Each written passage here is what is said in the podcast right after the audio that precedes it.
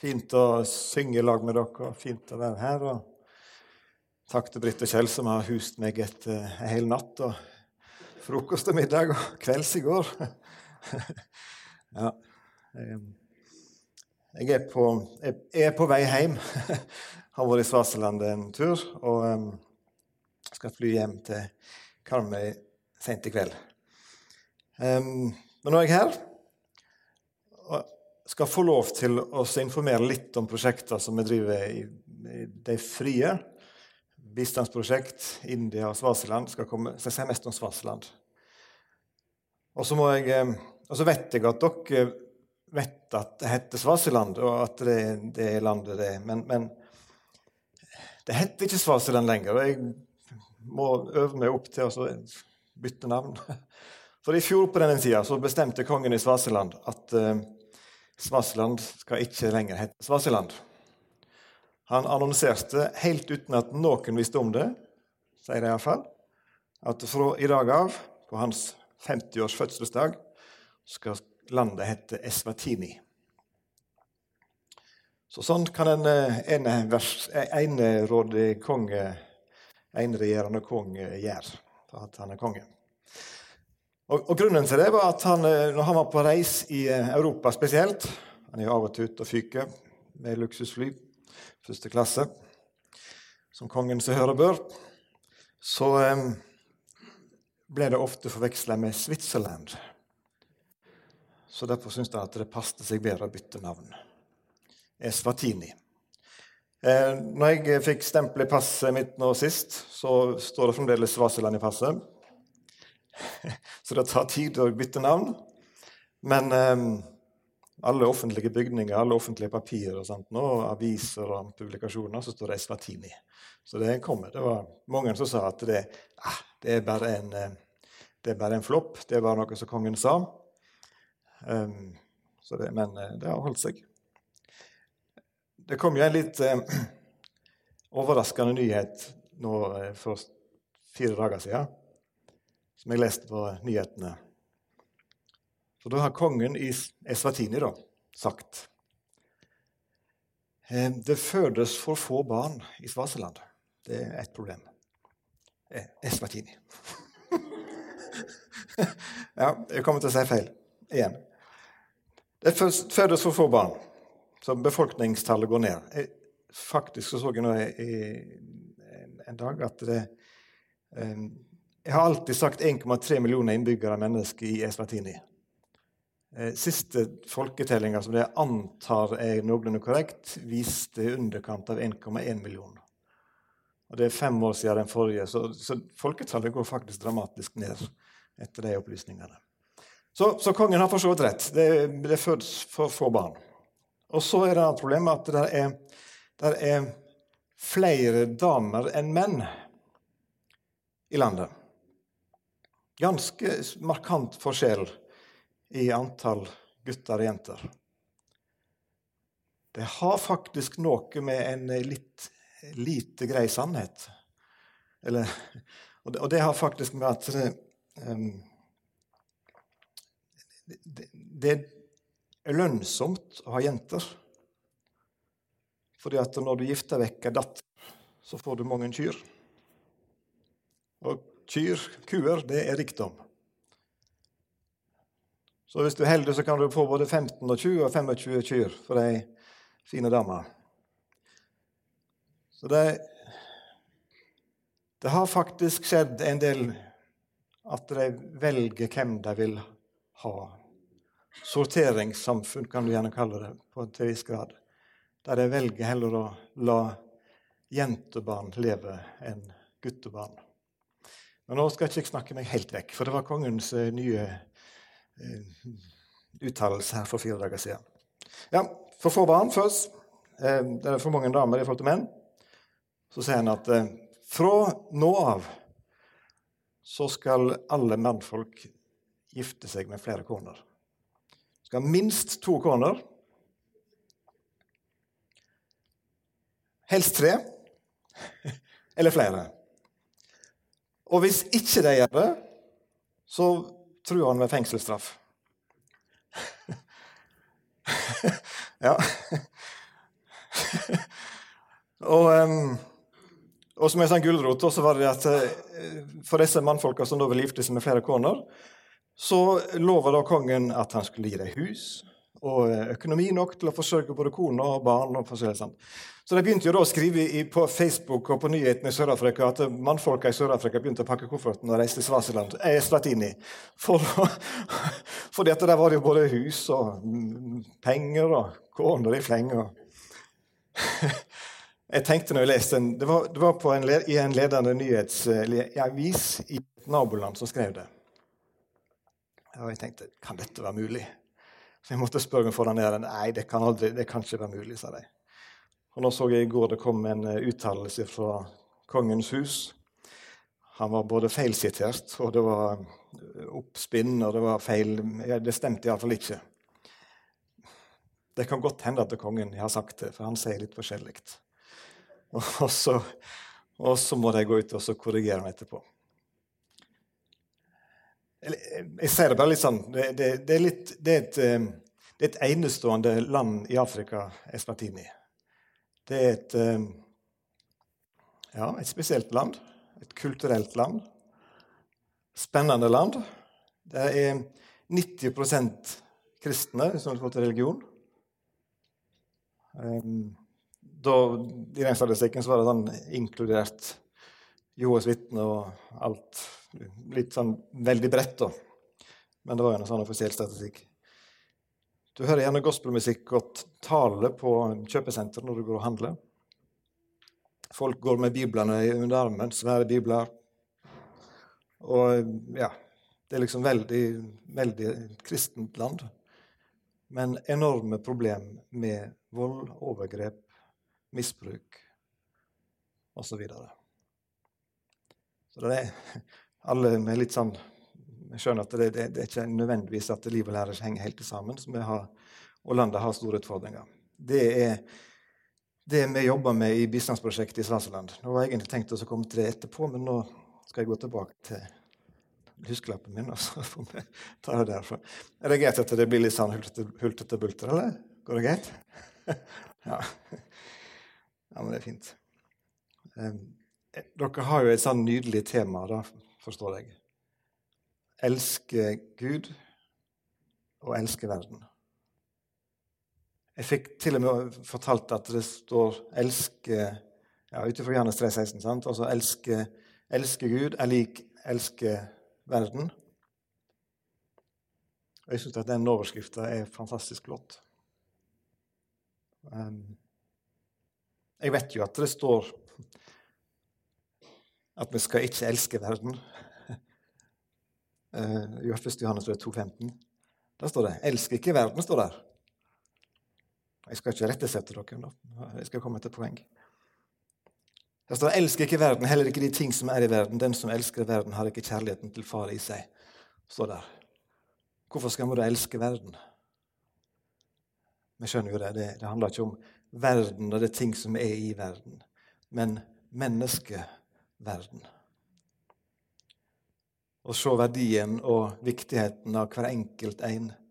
Jeg sa det med Kjell og Britt i går. Jeg, jeg var vel i fjor. Jeg satt på flyet, og da reiste jeg Jeg var vel først i India, og så var jeg på vei til Svasiland. Da het det Svasiland, så da fikk jeg lov til å si feil. sant? da før jeg skifta navn. Eh, men iallfall India med sine 1,3 milliarder mennesker. Noen videre mener at det er mer folk i India nå enn i Kina. Ja, er du enig? ja.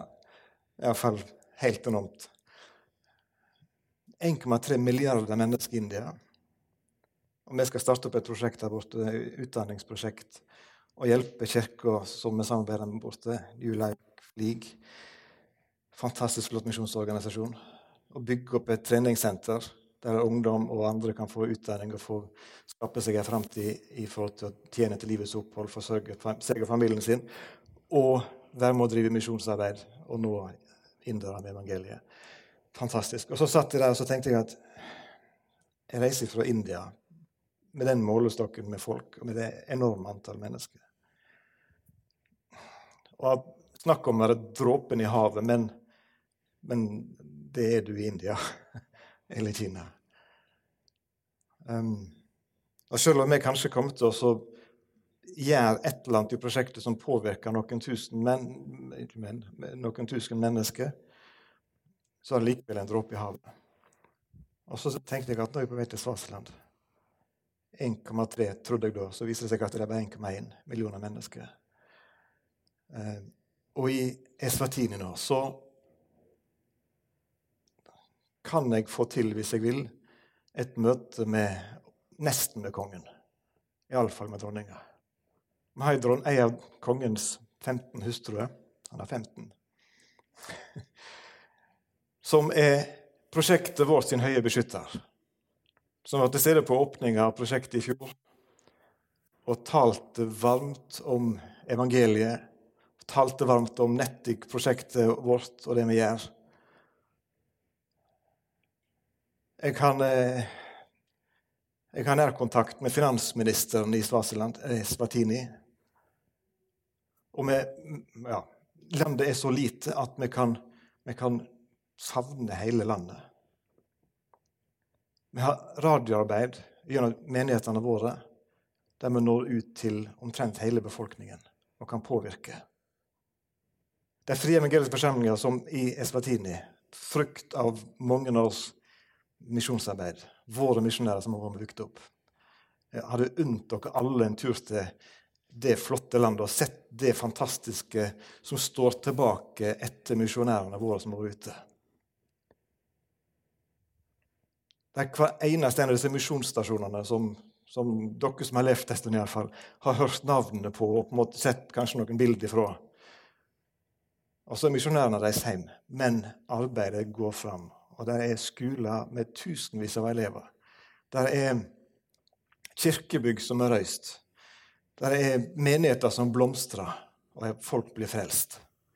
Kirkesamfunnet som de frie evangeliske forsamlinger er en del av i, i Eswatini, teller ca. 200 000 medlemmer utover landet. Av 1,1 million. Det er ganske svært. Og så er det to andre kirkesamfunn, frikirkelige som teller omtrent det samme. Så at det iallfall er 600 000 aktive møtegjengere i det frikirkelige landskapet, ja, omtrent det. Pluss mange andre. Og så er vi det, så kan man faktisk være med å påvirke et helt samfunn. Og det, den tanken når jeg satt på flyet på vei ifra jeg vet ikke om det er øst vest, ja, iallfall en eller annen plass, den på en måte setter ting litt i dimensjoner for meg. Tenkte Uansett um, Her handler det ikke om så eller så mange, her handler det om enkeltindivid. Om det er i India eller det er i Slatini. At vi kan være med oss og gjøre noe og bety noe for én og én. Og det syns jeg var fascinerende. Elsk verden.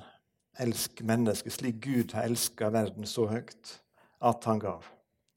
Slik Jesus har elska verden så høyt at han ofra seg sjøl, så er vi kalt til å elske verden etter det forbildet som hele helligdommen og hele treenigheten har gitt oss, nemlig å elske verden. Elske enkeltmennesket i verden slik han har elska oss.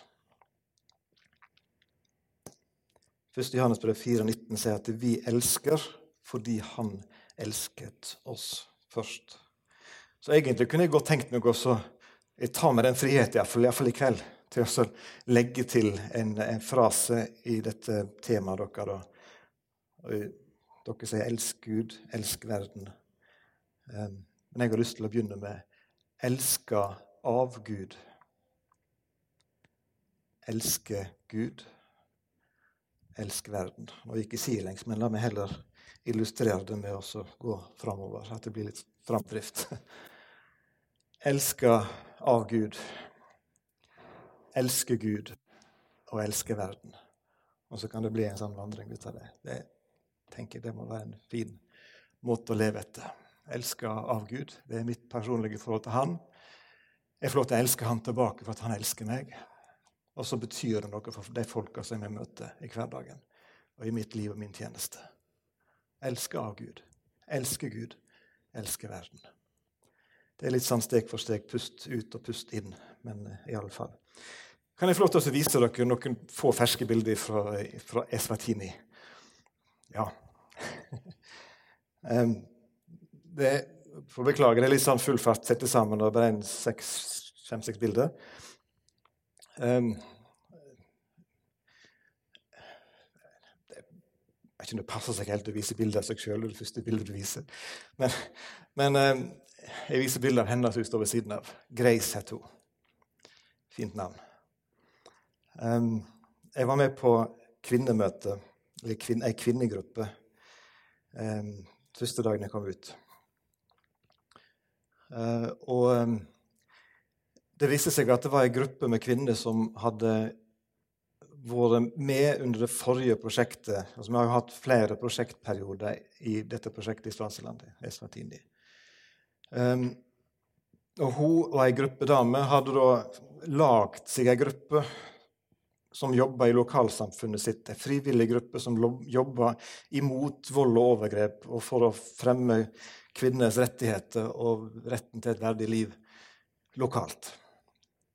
Og Så hadde de fortsatt å jobbe, og så har jeg tatt kontakt for en uke to siden med, med Netic og prosjektet vårt nå og sagt vi hører at dere er i gang med et nytt prosjekt der det handler om å forebygge tenåringsgraviditeter. Og at jent, unge jenter må avbryte skolegang fordi at de blir gravide og alt blir ødelagt. egentlig. Hele samfunnet er imot dette. Så sier jeg kan ikke dere komme på besøk. Vi vil lære mer. Vi vil være med oss og jobbe i lag med dere og stå sammen med dere om dette viktige. Og så hadde de så vidt vært besøkt og så tok de meg med på sånn kvinnemøte der. Eh, og så viste det seg at hun er en frukt av misjon. Eh, I bakgrunnen så er det en misjonsstasjon som eh, pinsebevegelsen har bygd opp. Eh, delvis i lag med Frie. Vel, noe sånn samrøre i starten der iallfall. Som heter New Haven. Um, og blant annet så var det en norsk misjonær som var, var utsendt fra Volda. Eller? Jeg var utsendt fra Volda. Evy Sordal. Så når jeg fortalte at jeg kom fra Volda og hadde familie der, som gikk på Ebenezer i Volda og sånt, så Ja, men kjenner du Evy, Evy Surdal, sier hun da. Ja, kan skjønne jeg det, sier hun. Ja. Så hun var så takknemlig over å få et norskt ansikt og kunne på en måte gjengjelde litt av den kjærligheten som hun hadde opplevd. Da ble det jeg som fikk på en måte ja, smak, eller ble gjenstand for den takknemligheten for det norske misjonærer hadde gjort for henne. Jeg er født og oppvokst på den misjonsstasjonen bak der, Så. Hele mitt liv er der, og jeg er så takknemlig. Nå skal jeg være med og bety en forskjell for de som vokser opp i dette landet.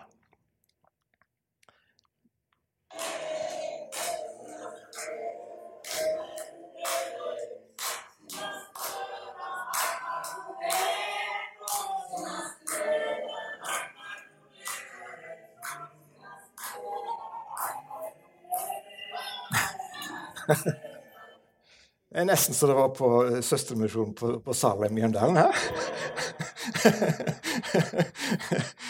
ja.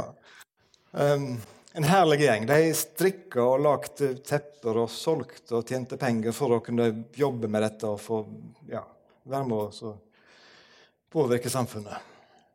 Her er det en, fra, en av medarbeiderne våre i prosjektet som eh, underviser og opplyser om ei den siste lova som er kommet i Eswatini, som ble vedtatt nå i desember i fjor.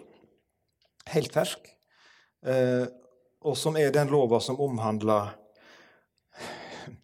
alt av altså kvinners rettigheter, om eh, straffelov omkring seksuelle eh, overgrep, eh, barneekteskap Veldig omfattende og veldig omdiskutert har vært, fordi at de mannfolka i Svetine de føler seg trua. At nå kommer kvinnene til og herse med oss, og vi kan ikke gjøre sånn som vi vil lenger. Jeg prøvde å skulle få, få, tatt det på film eller få tatt det på et bilde, men jeg satt så jeg så hun dama her Når han karen fortalte om eh, at det er lovlig å eh, voldta kona si Og hun setter seg fram på stolen. Er det sant? Er ikke det lov å voldta kona si? Eller når han fortalte at det er ikke lov å gifte vekk barn under 18 år.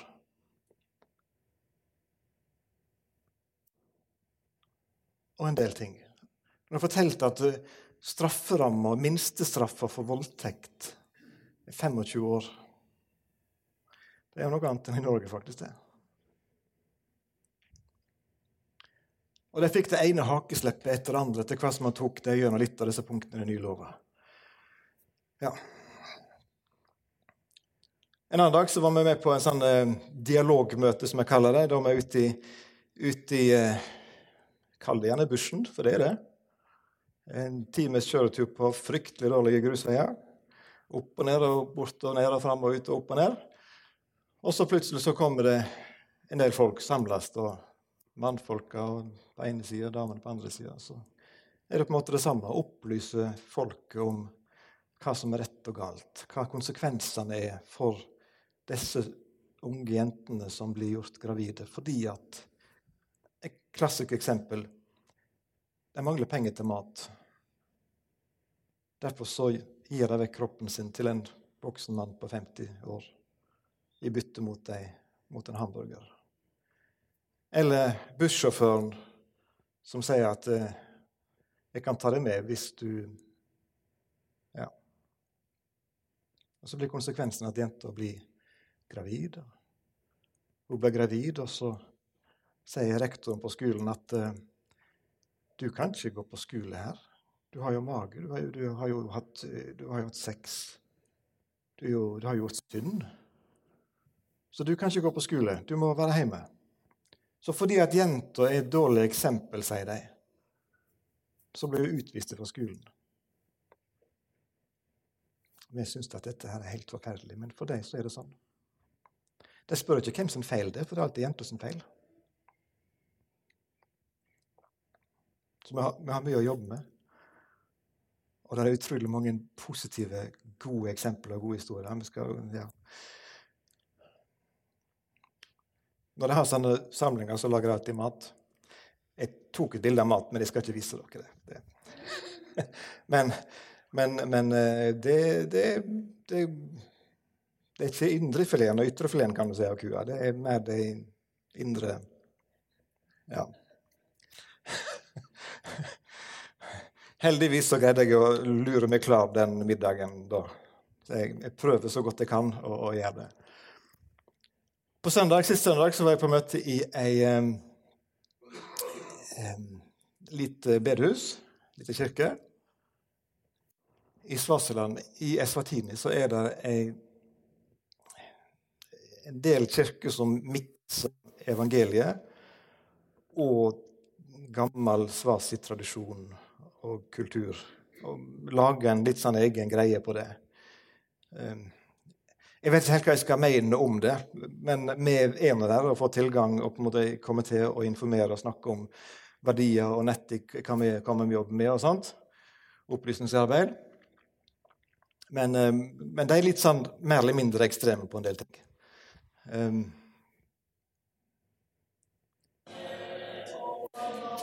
Unnskyld. Dette, var, det, dette er ikke det ekstremt, dette er en fin sang, da, men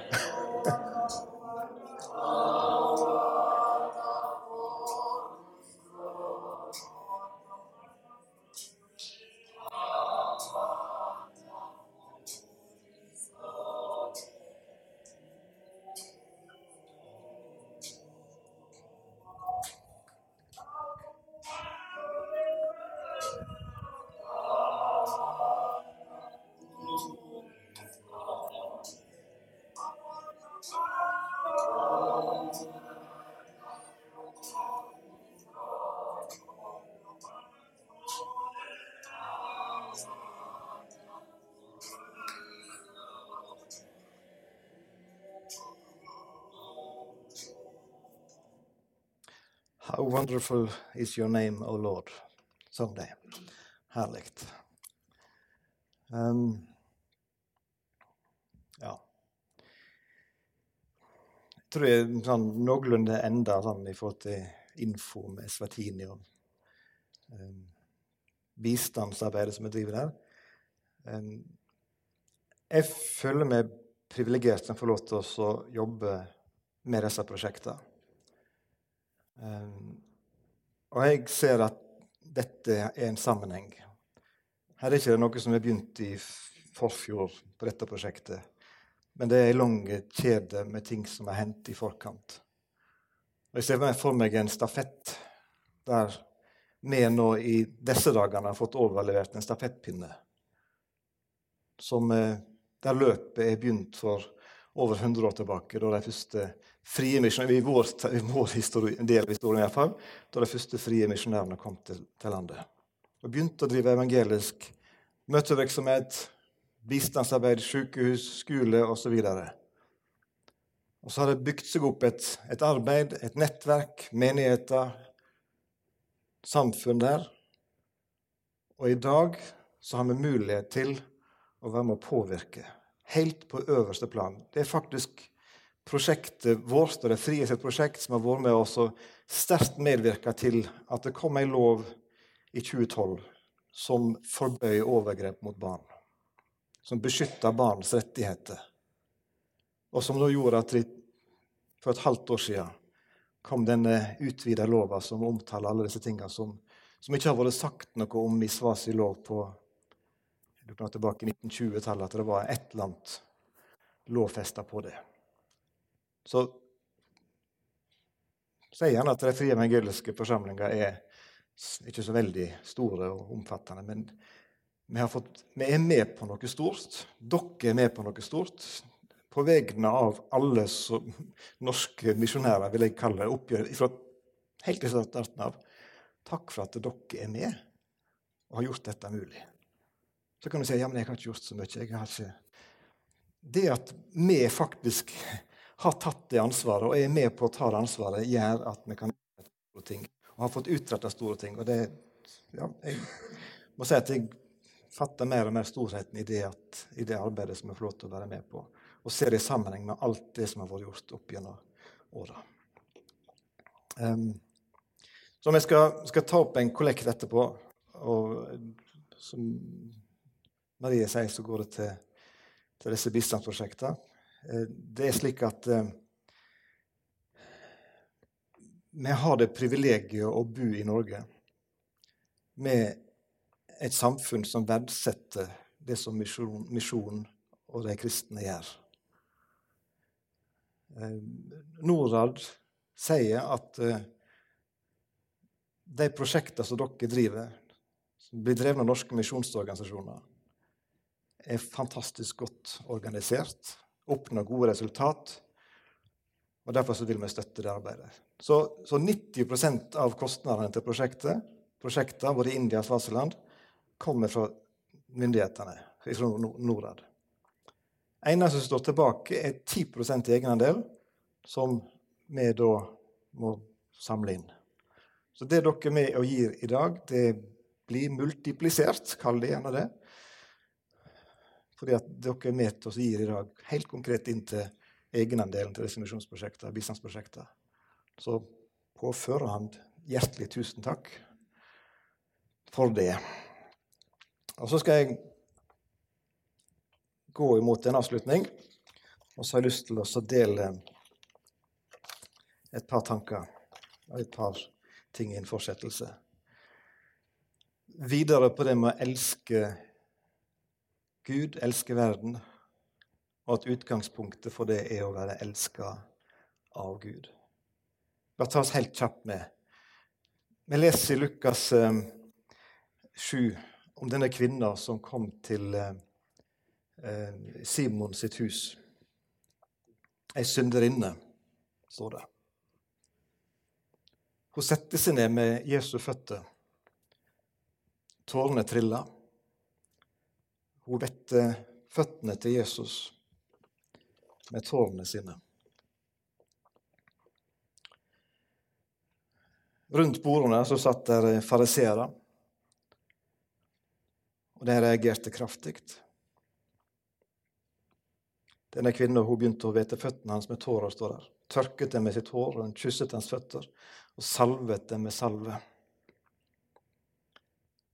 Og så begynte reaksjonene å komme fra fariseeren og han som hadde invitert Jesus inn. Og sa hvis du virkelig var en profet, hvis du virkelig er den du sier du er, så hadde du avslørt denne synderinna og så bedt den om å gå. Og Da sier Jesus noe da i vers 40. Simon, jeg har noe å si deg. Og han sa, Mester, si det. En pengeutlåner hadde to skyldnere. Den ene skyldte han 500 denarer, den andre 50. Men da han ikke hadde noe å betale med, ettergav han dem begge gjelden. Hvem av dem vil elske ham mest? spurte han. Den som han hadde fått lite ettergitt, eller den som var mye ettergitt? Hvem vil elske mest? spurte Jesus. Jo, sier han Simon. Det er vel han som har fått mest ettergitt, som vil elske mest. Ja. Du svarte rett, sa Jesus.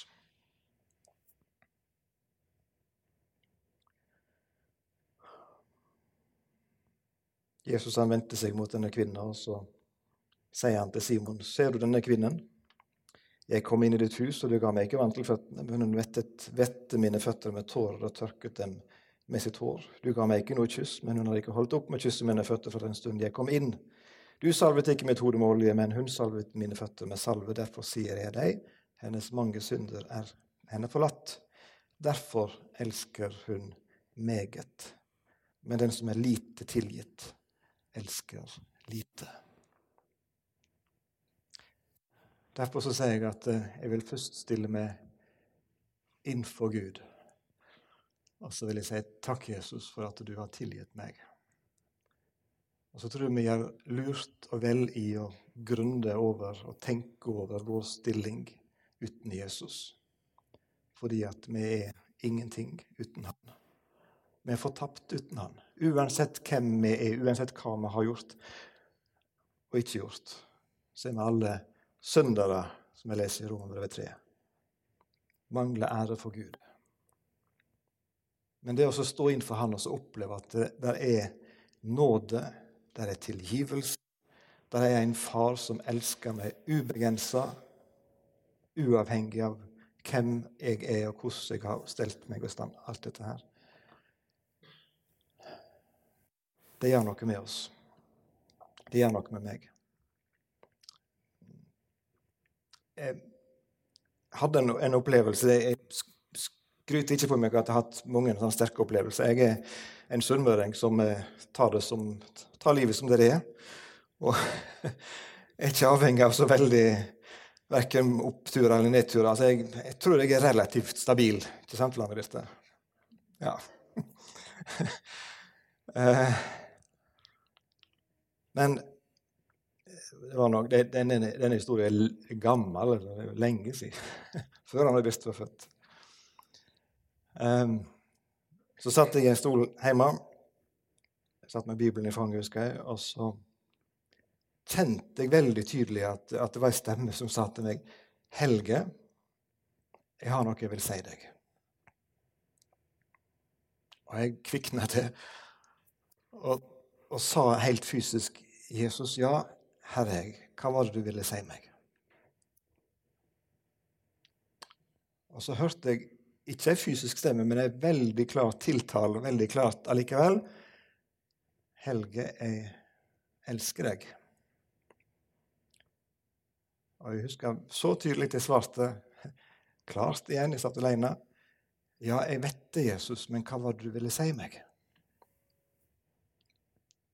Igjen så sa det 'Helge, jeg elsker deg'. Og igjen, midt nesten dumme naut, så sa jeg 'Ja, Jesus, jeg vet at du elsker meg, men hva var det du ville si meg?'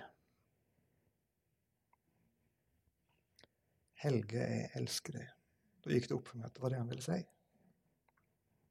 Det var ikke for å ha meg til å gjøre noe. Jeg var liksom parat til Samme hva du sier nå, Jesus, jeg skal stille opp. Jeg vil gjøre det. Men han ville bare minne meg på hans ubegrensa store kjærlighet. At han elsker meg sånn som jeg var. På mange måter så kjenner jeg at det har fulgt meg siden. Jeg tror faktisk jeg trengte det. Hennes mange syndere er henne forlatt, derfor elsker hun meget. Tenk om jeg kunne finne den plassen og så se at der, der, der er Der er jeg, der er vi alle en plass der. Mye tilgitt. Derfor kan vi gjenspeile den kjærligheten til Han. Jeg elsker mye. Ja, ja. Jeg hadde egentlig forberedt en to-tre andre punkt, men jeg, jeg, vet ikke om jeg skal gå så mye lenger. Men jeg, jeg tenkte litt både på Sakkeus, som, som, fikk et møte med Jesus, som ble tilgitt. Og så fikk det innvirkning på hans liv, hvordan han tok for seg og, og oppførte seg mot de andre. I stedet for at han var grådig og bare grafsa til seg og ville ha mer og mer, så ble han til å dele ut og gi tilbake. Jeg tenkte på Paulus, som var Saul, som forfulgte Jesus, som mente seg å gjøre det rette. Som var på vei fra Jerusalem til Damaskus for nettopp å ja, tjene Gud og kaste de kristne i fengsel. Og så møtte han Jesus der. Og hvordan livet ble snudd så opp ned, forvandla totalt. Da han etterpå kunne si at Jesus, jeg jo bare ha deg. Det er du som er livet, Jesus. Alt det andre er tap. Alt det andre er meningsløst, Jesus, hvis ikke jeg kan ha deg. Og vi vet hva Paulus har betydd for verden, og hvordan han ifra at han fikk et møte med Jesus som, der han ble overblenda av Guds kjærlighet og Jesus kjærlighet, så kunne han elske ham tilbake fordi han ble elska først. Og så kunne han elske verden og bety noe i verden.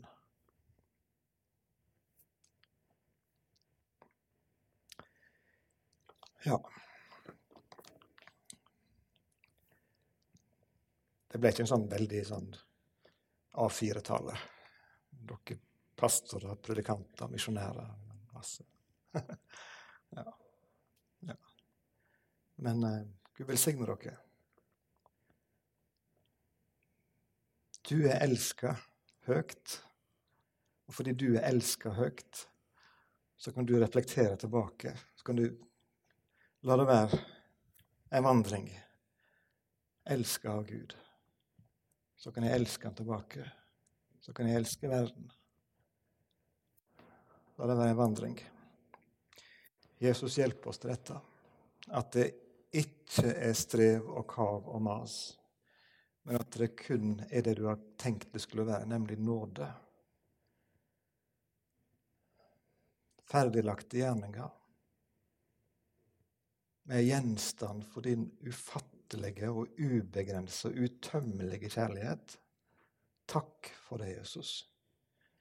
Og jeg ber Far om at det skal gå opp for oss mer og mer hvem du er, hva du har gjort for oss, hva det betyr for oss, hvor høyt vi elsker. Slik at det å leve rett i hverdagen, slik at det å leve ut det livet du har gitt oss, ikke blir et ork og et mas og et strev, men at det blir naturlig. Som å puste, som å leve. Du har kalt oss til liv, Jesus. Herre, velsign oss hver og en. I Jesu navn.